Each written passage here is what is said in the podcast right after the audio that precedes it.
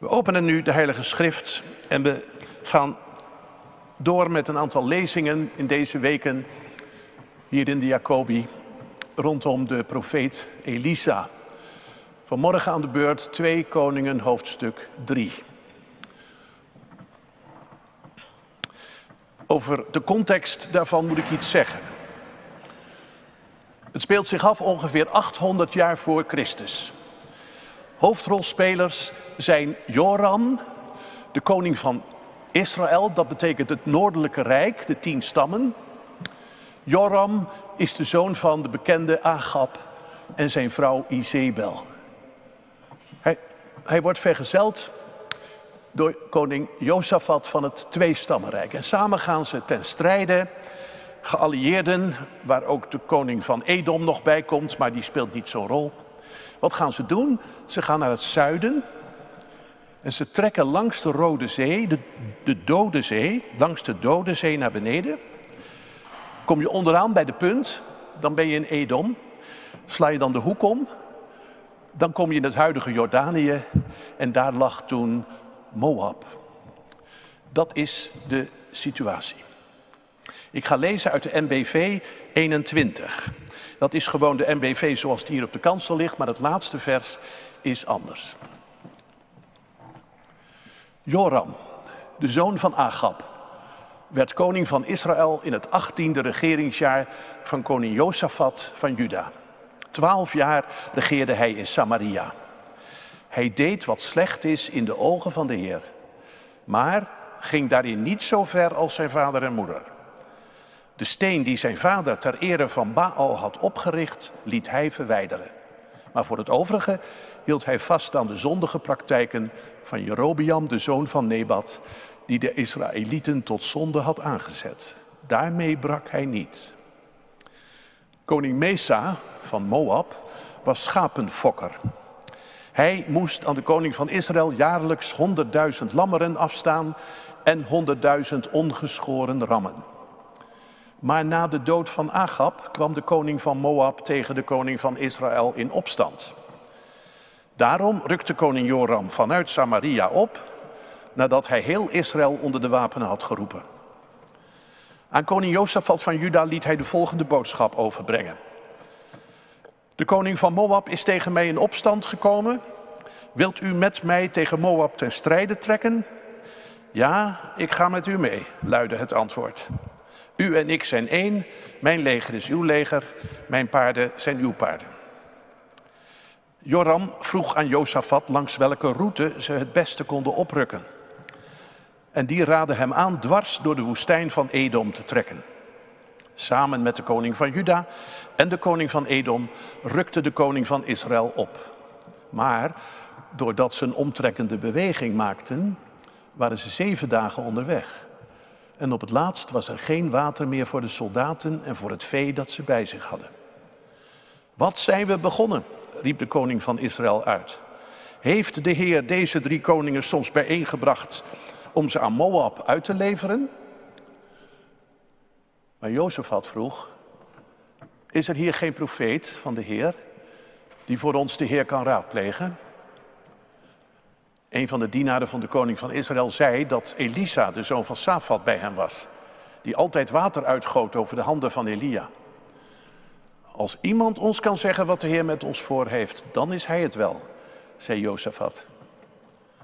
De koning van Israël, Jozefat, en de koning van Edom gingen naar Elisa toe. Maar Elisa zei tegen de koning van Israël, wat wilt u van mij? Gaat u maar naar de profeten van uw vader en moeder. Nee, zei Joram, want het is de Heer die deze drie koningen bijeengebracht heeft om ze aan Moab uit te leveren. Toen antwoordde Elisa, zo waar de Heer leeft, de Heer van de hemelse machten, in wiens dienst ik sta. Het is dat ik zoveel achting heb voor koning jo Jozafat van Juda, anders zou ik u geen blik waardig keuren. Maar goed, laat een lierspeler komen, een kleine harp. En terwijl de muzikant op de lier speelde, werd Elisa gegrepen door de hand van de Heer. En hij zei, dit zegt de Heer, graaf overal in de wadi kuilen. Want dit zegt de Heer, Jullie zullen geen wind voelen en geen regen zien, maar toch zal deze waddy vol komen te staan met water, zodat jullie te drinken hebben. Ook jullie vee en lastdieren. En dat is voor de Heer nog maar een kleinigheid. Hij zal ook de Moabieten aan u uitleveren. Elke sterke vesting en elke mooie stad zult u verwoesten. Elke vruchtboom vellen. Elke waterbron dichtstoppen en elke vruchtbare akker volgooien met stenen. De volgende morgen op het uur van het graanoffer kwam uit de richting van Edom plotseling water opzetten. En in minder dan geen tijd stond de vallei helemaal onder. De Moabieten hadden gehoord dat de drie koningen tegen hen ten strijde waren getrokken. En allen die oud genoeg waren om de wapens op te nemen, waren opgeroepen en aan de grens opgesteld. Toen zij diezelfde morgen opstonden, kleurde het eerste zonlicht het water rood als bloed. En toen de Moabieten dat zagen, riepen ze uit, maar dat is bloed. De koningen zijn natuurlijk onderling slaags geraakt. En nu hebben ze elkaar gedood. Erop af, Moab, op naar de buiten. Maar toen de Moabieten bij het kamp van de Israëlieten kwamen, werden ze overrompeld. De Israëlieten joegen de Moabieten tot in hun eigen land achterna en versloegen hen. Ze verwoesten de steden, gooiden de vruchtbare akkers vol met stenen, stopten alle waterbronnen dicht en velden elke vruchtboom. Ten slotte stond alleen Kergareset nog overeind. Maar de slingeraars omsingelden ook deze stad en begonnen haar te bekogelen. Toen de koning van Moab besefte dat hij de strijd ging verliezen, probeerde hij met 700 geoefende krijgers een uitbraak te doen naar de koning van Edom, maar tevergeefs. Toen nam hij zijn oudste zoon, zijn troonopvolger, en offerde hem als brandoffer op de stadsmuur. Daarop barstte er zo'n hevige toren los tegen de Israëlieten dat ze het beleg opbraken en naar hun eigen land terugkeerden. Tot hier doet de lezing. Dit is het woord van God. Gemeente van Christus, waar gaat dit hoofdstuk over? Waar moeten we vooral op letten? Het gaat in ieder geval over een oorlog. Uh, Joram, koning van Israël, trekt op tegen Moab. Misschien, misschien noemde Joram het eerst niet eens een oorlog. Noemde hij het meer een noodzakelijke militaire actie. Want hij wilde een opstandige koning een lesje leren. Maar ja, uiteindelijk werd het toch een echte oorlog. Met alle ellende van dien. Om te beginnen loopt het leger vast in de woestijn. Er zijn geen afvoer, aanvoerlijnen om water te leveren. Gelukkig, God doet een groot wonder en dan kunnen ze toch verder. En dan komt daarna de onverbiddelijke werkelijkheid van de oorlog. Verwoeste steden, een verschroeide aarde en nageslacht, dat wordt geofferd voor het hogere doel. Gemeente, dat doet oorlog. Wij weten het en we zien het. En je mag nog hopen dat het recht in zekere zin zal zegenvieren over onrecht. In deze geschiedenis lijkt dat eerst wel het geval. God steunt Israël. Met zijn hulp triomferen ze. Maar ik zeg er meteen bij, dit is niet het hele verhaal. Want deze oorlog heeft een open einde. Ik heb het u voorgelezen. Helemaal aan het slot keert het leger van Israël terug naar huis. Niet omdat ze gewonnen hebben, maar omdat ze niet verder willen vechten. Het karwei wordt niet afgemaakt. En weet u, uit andere bronnen is bekend dat die koning Mesa, die ze gingen verslaan, koning Mesa van Moab, dat die zich kon handhaven. En dat Israël vanaf dit moment zijn invloed in Moab voorgoed kwijtraakte. Dus je zou kunnen zeggen, Israël won, maar ze verloren toch. Het was een Peres-overwinning. Ja, maar God stond toch aan hun kant. Hij liet dat wonder gebeuren. Onvoorstelbaar. Graaf Kuilen in de waddi, in de woestijn, in die rivierloop. En die greppels, die kuilen waren helemaal volgelopen. En God deed nog een wonder. Hij bewerkte dat de vijand, toen ze dat water zagen in het morgenlicht, dat ze te zelfverzekerd werden. En daardoor verloren ze. De Heer van de hemelse machten steunde Israël, zoals hij al zo vaak had gedaan. Anders waren ze al lang in de geschiedenis verdwenen. Even stilstaan. God kiest dus partij. Kunnen we daar vandaag ook nog wat mee? Kun je dat vandaag ook nog zeggen? God met ons, dat stond op de riemen van de Duitse soldaten in de Wereldoorlog. Nee, nee, zeggen we zo niet. Nee. Toch ontkom je er niet helemaal aan, lijkt mij. Om te hopen dat God de strijd van een bedreigd volk zal steunen. Want wij bidden hier in de kerk om vrede, maar we bidden toch ook wel om overwinning. Op het valikante onrecht. Wat heeft deze geschiedenis ons te zeggen? Nog eens die vraag. Het gaat dus over oorlog. Het gaat over het grote wonder dat God deed. Ik kan u vertellen over dat wonder van het maken van die kuilen met water. Er zijn ontzettend veel preken over geschreven. Maar dat wil ik vanmorgen eigenlijk niet doen. Ik zag, ga natuurlijk wat over zeggen. Maar gaat het over dat grote wonder? Is dat de kern? Nee, dat dacht ik niet. Wat is dan wel de kern? Dat is die ene man. Over wie de hand des Heren komt. En wat hij zegt, daar gaat het om. En dat is eigenlijk zo gelukkig, gemeente, want wij maken toch niet allemaal zulke spectaculaire wonderen mee. Maar wij hebben wel het profetische woord, daar hebben we houvast aan. En dat geldt ook in deze geschiedenis. God doet iets, iets grandioos, maar wat God doet, dat krijgt betekenis door wat Hij zegt. Dit is dus een, een uit een serie en het gaat allemaal over Elisa, de man die water goot over de handen van Elia. Dat betekent hij was zijn dienaar. Hij, heeft hem ook op, hij is hem ook opgevolgd. En die Elia en Elisa, dat waren profeten die stonden midden in de geschiedenis. Die konden zich bemoeien met koningen en oorlogen en ze konden zich ook het lot aantrekken van kleine mensen. Soms zijn die profeten een tijdje onzichtbaar, dan verkeren ze in isolement.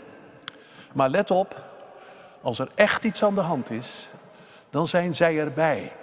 En dat is natuurlijk wonderbaarlijk dat Elisa kennelijk erbij is in dat leger. En dat komt aan de dag als de zaak vastloopt. Ja, ja, ja. Dan hebben ze God nodig. Eerst niet. Koning Joram had God niet geraadpleegd of ze die actie eigenlijk wel moesten ondernemen. En dat was toch wel de gewoonte in Israël. Zullen we optrekken of niet? En dan wachtte men op een godsoordeel. Via de, via de priester of via een profeet. Joram had dat niet gedaan. Maar kijk eens, nu de zaak vastloopt, begint hij over God. Op een zeer verwijtende manier. Heeft de Heer ons soms hier bij elkaar gebracht om ons aan Moab uit te leveren? Wat een idee. Dat je zo denkt. God krijgt gewoon de schuld. Hij heeft het gedaan. Of hij had het moeten voorkomen. Dat is toch raar? Maar misschien herken je het ook. je, je onderneemt iets je bent er gewoon aan begonnen, want het voelt gewoon helemaal goed. Het is oké. En je denkt, daar kan God niks op tegen hebben. Je kiest een baan of een partner. En dan gaat het toch mis. En wat doe je dan? Als je dan ook nog wat hebt met geloof en kerk, dan ga je toch aan God denken. Dat zit als het ware in ons systeem. En dan ga je meteen gedachten krijgen als waarom overkomt mij dit? Wat wil God? Wil hij mij soms straffen? Of, wat je vandaag ook vaak hoort, Als je hem nodig hebt, is God er niet. Hij doet niets. Wat ben je aan het doen? Je bent aan het invullen. Dat is wel aardig hè, dat eigenlijk heel veel mensen zo'n beetje theoloog zijn van binnen. Daar hoef je echt niet voor gestudeerd te hebben. Maar gemeente, wij hoeven helemaal niks in te vullen. God spreekt wel voor zichzelf. En Jozefat beseft dat. Jozefat, die andere koning van het zuiden, koning van Juda, hij vraagt om een profeet.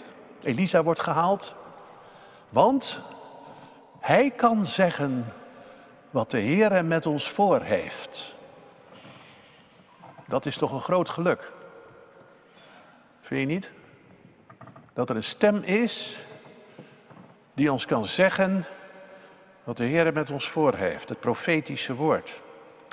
Nou is dat profetische woord niet altijd het meest fijnzinnige, kan ik zeggen.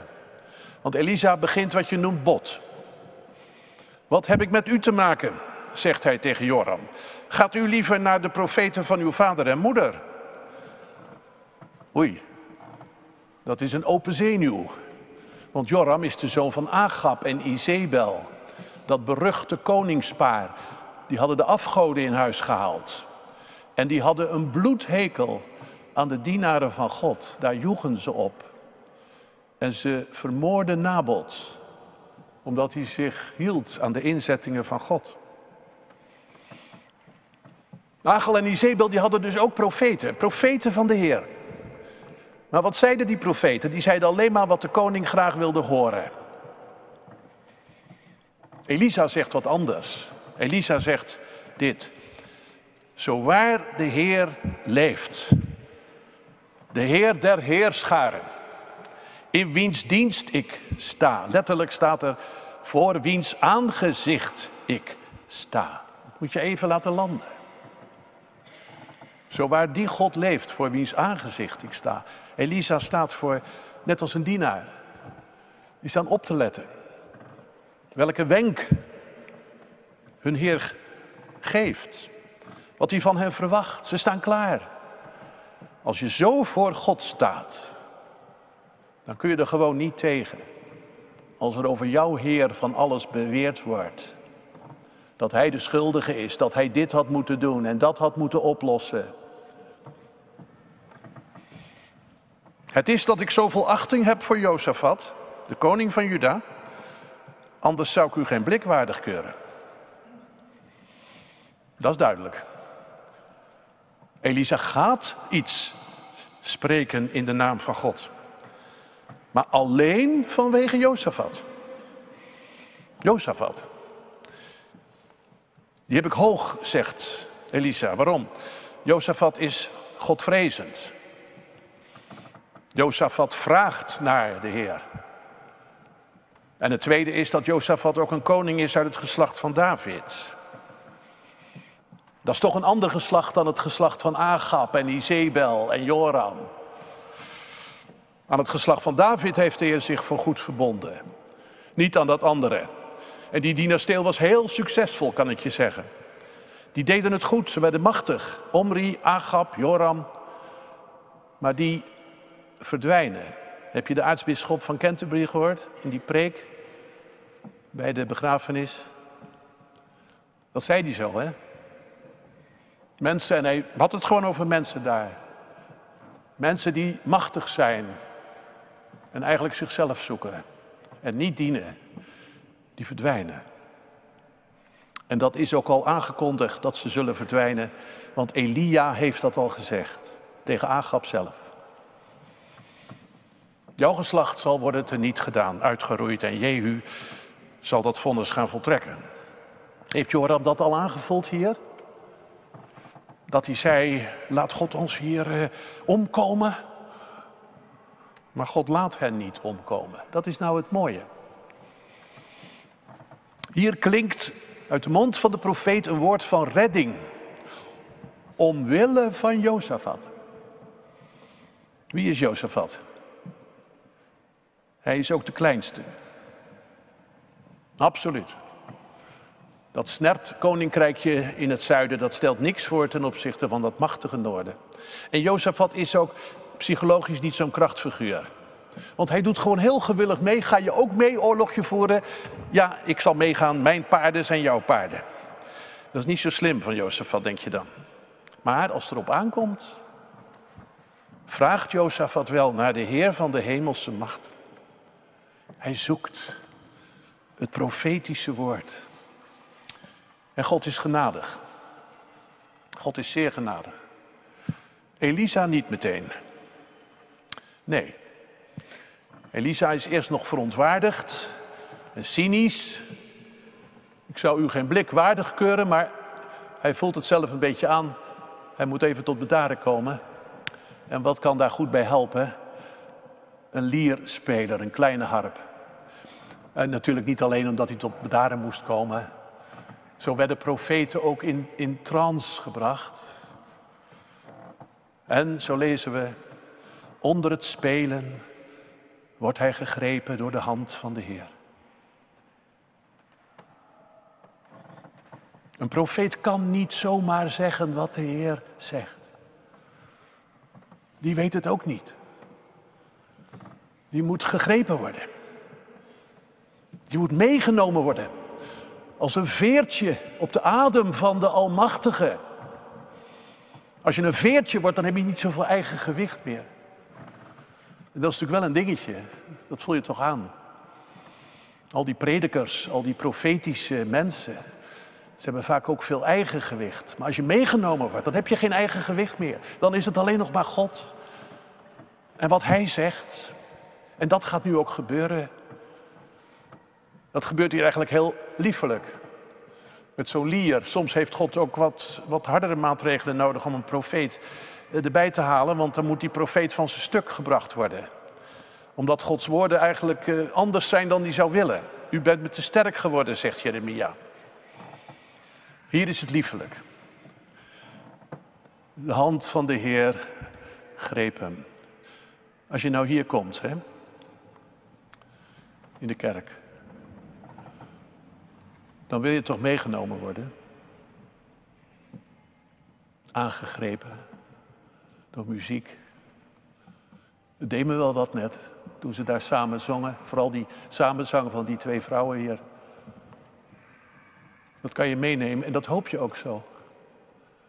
Je hoopt woorden te horen van iemand die zelf dan ook gegrepen is. Dat moet ook wel. Je moet echt meegenomen worden, want er klinken zulke dwaze, idiote woorden. Graaf Kuilen, neem me niet kwalijk. Graaf Kuilen. In die kurkdroge grond, zinloze actie. Waarom zou je daaraan beginnen. Omdat er profetische woorden zijn. Die je kunnen meenemen. Dat je iets gaat doen wat je vanuit jezelf niet zou doen. Een dwaze gehoorzaamheid. Wat wij geloof noemen. Meegenomen worden naar de Almachtige God en zijn ruimte en zijn overvloed. En de belofte dat hij water zal scheppen. En dat er greppels, kuilen bij moeten, dat betekent dat er zo'n overvloed is. Zo is dat met God. En als je dat doet, als je ook vandaag kuilen graaft, dan betekent dat dat je je lege handen omhoog houdt. Hè? Zodat God ze kan vullen. Er moet wel iets zijn voor God om te vullen. Ruimte maken voor de overvloed. En die overvloed is nooit alleen voor jezelf. Dat is ook voor het vee, staat hier. Ook de dieren kunnen weer drinken. En als je gezegend wordt, dan kun je zelf ervan leven, maar anderen ook. Laat het je zeggen. Gods woord werkt, maar je moet zelf dwaas worden om het te ontvangen. Dan gebeurt er nog een wonder, dat is ook schitterend, werkelijk. Dit wonder. De, de Moabieten lijden aan gezichtsbedrog. Ze denken dat ze iets zien. Kijk maar, zeggen ze, rood. En daar trekken ze hun conclusie uit. Ze, ze geloven ook wat hun brein hen wijs maakt. Oh, die zijn met elkaar in gevecht geraakt en dit is het bloed en wij kunnen zo aanvallen. We, er wordt ons niets in de weg gelegd. Moet je eens over nadenken. Krankzinnig. Hoe je zintuigen je kunnen bedriegen. Hoe je redenering, je ratio je de weg kan zitten. Dit is nou echt een staaltje goddelijke humor. Hoe verliezen Gods vijanden? Door hun roes van overwinning. Door hun idee van onaantastbaarheid. Door hun grootspraak. Neem dat even mee. Als je jezelf soms klein voelt. Met jouw geloof. Te midden van allemaal slimme en machtige mensen. En je voelt soms hun arrogantie. Denk er dan ook eens zo aan dat juist die arrogantie hun ondergang zal worden. Glimlach ook eens om de humor van God. Verder valt er weinig te lachen in deze geschiedenis. Dit is nog maar een kleinigheid voor de Heer, spreekt Elisa. Hij zal de Moabieten in uw hand geven. Elke sterke vesting, elke mooie stad zult u verwoesten. Elke vruchtboom vellen, waterbronnen dichtstoppen, vruchtbare akkers volgooien met stenen. Wat is dit? Is dit een bevel van de Heer? Of is dit een profetische doorlichting? Dat Elisa zegt, en dit zullen jullie gaan doen. Dat zeg ik nu alvast. Dat zeg ik in de naam van de Heer. Want zo zijn jullie. Jullie zullen je gang gaan. En de Heer die weet het. Hij zegt het via de profeet. En hij laat het ook nog gebeuren. Vindt hij het ook goed? Vruchtbomen vellen wordt als een oorlogsdaad verboden. In de wet van Mozes, Deuteronomium 20. Zover mag je niet gaan. Je mag de akkers niet voor goed, voor jaren onvruchtbaar laten zijn. Maar zo gaat het toch. Ze voeren precies uit wat Elisa zei. Alle waterbronnen worden dichtgestopt, elke vruchtboom geveld. Eén stad houdt nog lang stand, maar de slingeraars zijn al bezig er een ruïne van te maken. En dan gebeurt het afgrijzelijke. Die koning, Mesa, offert zijn oudste zoon op de stadsmuur, de troonopvolger. Het is een noodkreet tot zijn God, Kemos. Kemos heeft oren, maar hij hoort niet. Kemos heeft een mond, maar hij spreekt niet. En toch. En toch gebeurt er iets. Er kwam ontzaglijke toren over Israël. In de oudere versie van de MBV, daar werd vertaald, er kwam een grote verbolgenheid in het volk. Ze werden boos en ze trokken weg. Dat is heel onwaarschijnlijk. Want als je zo boos wordt over deze daad, dan wil je toch een eind maken aan dat hele koninkrijk. Dus deze vertaling is veel beter, denk ik. Er kwam toren over Israël. God reageert. Gods toren over een oorlog die zulke gevolgen heeft. Hoe die toren was, weet ik niet. Maar de uitkomst is dat Israël terugkeert. Met een bittere nasmaak. Wat is de boodschap van dit hoofdstuk? Dat is het profetische woord. Dat overal klinkt, ook in een oorlog. Dit zegt de Heer. God zegt niet de ene keer dit en de andere keer weer wat anders. Nee, alle woorden van de profeten, alle woorden van God hangen op de een of andere manier samen. Ik wijs u op zo'n lijn. Wat Elisa zegt in Gods naam, dat ligt dus in het verlengde met wat Elia eerder zei. Wat had Elia eerder gezegd? Die had het oordeel van God aangekondigd over het koningshuis van Agab en van Joram. Ja, en nou zegt God toch weer iets anders, denk je. Want nu wordt Joram toch geholpen. Ja, Joram niet. De band van God met dit volk, die zal niet verbroken worden. De dynastie zal verdwijnen, maar het volk zal leven. Daar moet je eens over nadenken, ook met het oog op vandaag. De dynastie zal verdwijnen, maar het volk zal leven. Israël zal leven. Ook die tien stammen die het met hun godsdienst niet zo goed deden, ze zullen toch in het verbond blijven. En waarom doet God dat? Ter wille van Jozefat. Om zijn verbond met David. Daar getuigt dit wonder ook van. Nog even terug, hè, dat grote spektakel, dat water, dat alle problemen even oplost. Ja, dat is een wonder. Maar het gaat niet om het wonder. Ook niet in je eigen leven. Om die bijzondere ervaringen, daar mag je blij mee zijn. Maar alleen, alleen als het een onderstreping is van wat God zegt. Als het je terugbrengt naar zijn woorden. Als je daar ook aan, aan gaat houden. En dat zie je zo duidelijk bij dit wonder. Worden de mensen daar nou wijzer van? Ze hebben wel iets meegemaakt. Ze vertellen het jaren later nog aan hun kleinkinderen. Worden ze wijzer? Wordt Joram wijzer? Weet je, wonderen hebben toch iets incidenteels. God gebruikt iets, maar het heeft een doel. Wonderen op zich helpen niet. Wonderen zijn tekenen van het profetische woord. Dus daar ligt ons houvast. En wat weet je nou wat je door een wonder nooit weet? Kijk, op een wonder kun je natuurlijk terugkijken. Ik heb zelf ook wonderen meebeleefd, meegemaakt. Maar dat helpt je toch niet uiteindelijk. Je kan erop terugkijken en mensen zeggen dat was toch wat en dat was bijzonder. Maar er is maar één plek waar je te weten komt dat God het goed zal blijven maken tot het einde toe. En dat is zijn eigen woord, dat is zijn belofte, dat is de profetie. De Heer zal het voor ons voleindigen, dat kom je te weten. Nog iets, tot slot. Hoe vinden we nu Jezus terug? Dat vind ik wel een goede vraag, want ook het Oude Testament, zegt hij, getuigt van mij. Nou, dat we even denken aan de wonderen die Jezus deed.